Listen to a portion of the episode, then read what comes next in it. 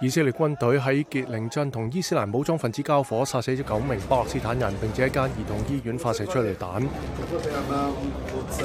西班牙一名持刀男子喺當地兩座教堂襲擊當中殺死一名教堂執事，並且打傷一名神父。疑凶已經被捕，當局正在調查是否同恐怖主義有關。俄羅斯向烏克蘭發射咗多枚導彈，造成最少一人死亡。同時幾乎獲得西方國家提供幾十部現代化主戰坦克，對抗俄羅斯入侵。一枚炸彈星期三喺刚果民主共和國北京省東部城鎮贝尼一個市場附近爆炸，造成最少十幾人受傷。歐盟移民部長星期四喺斯德哥爾摩舉行會議，討論簽證限制同更好嘅协调，以便將更多冇資格喺歐洲獲得庇護嘅人送回佢哋嘅祖國。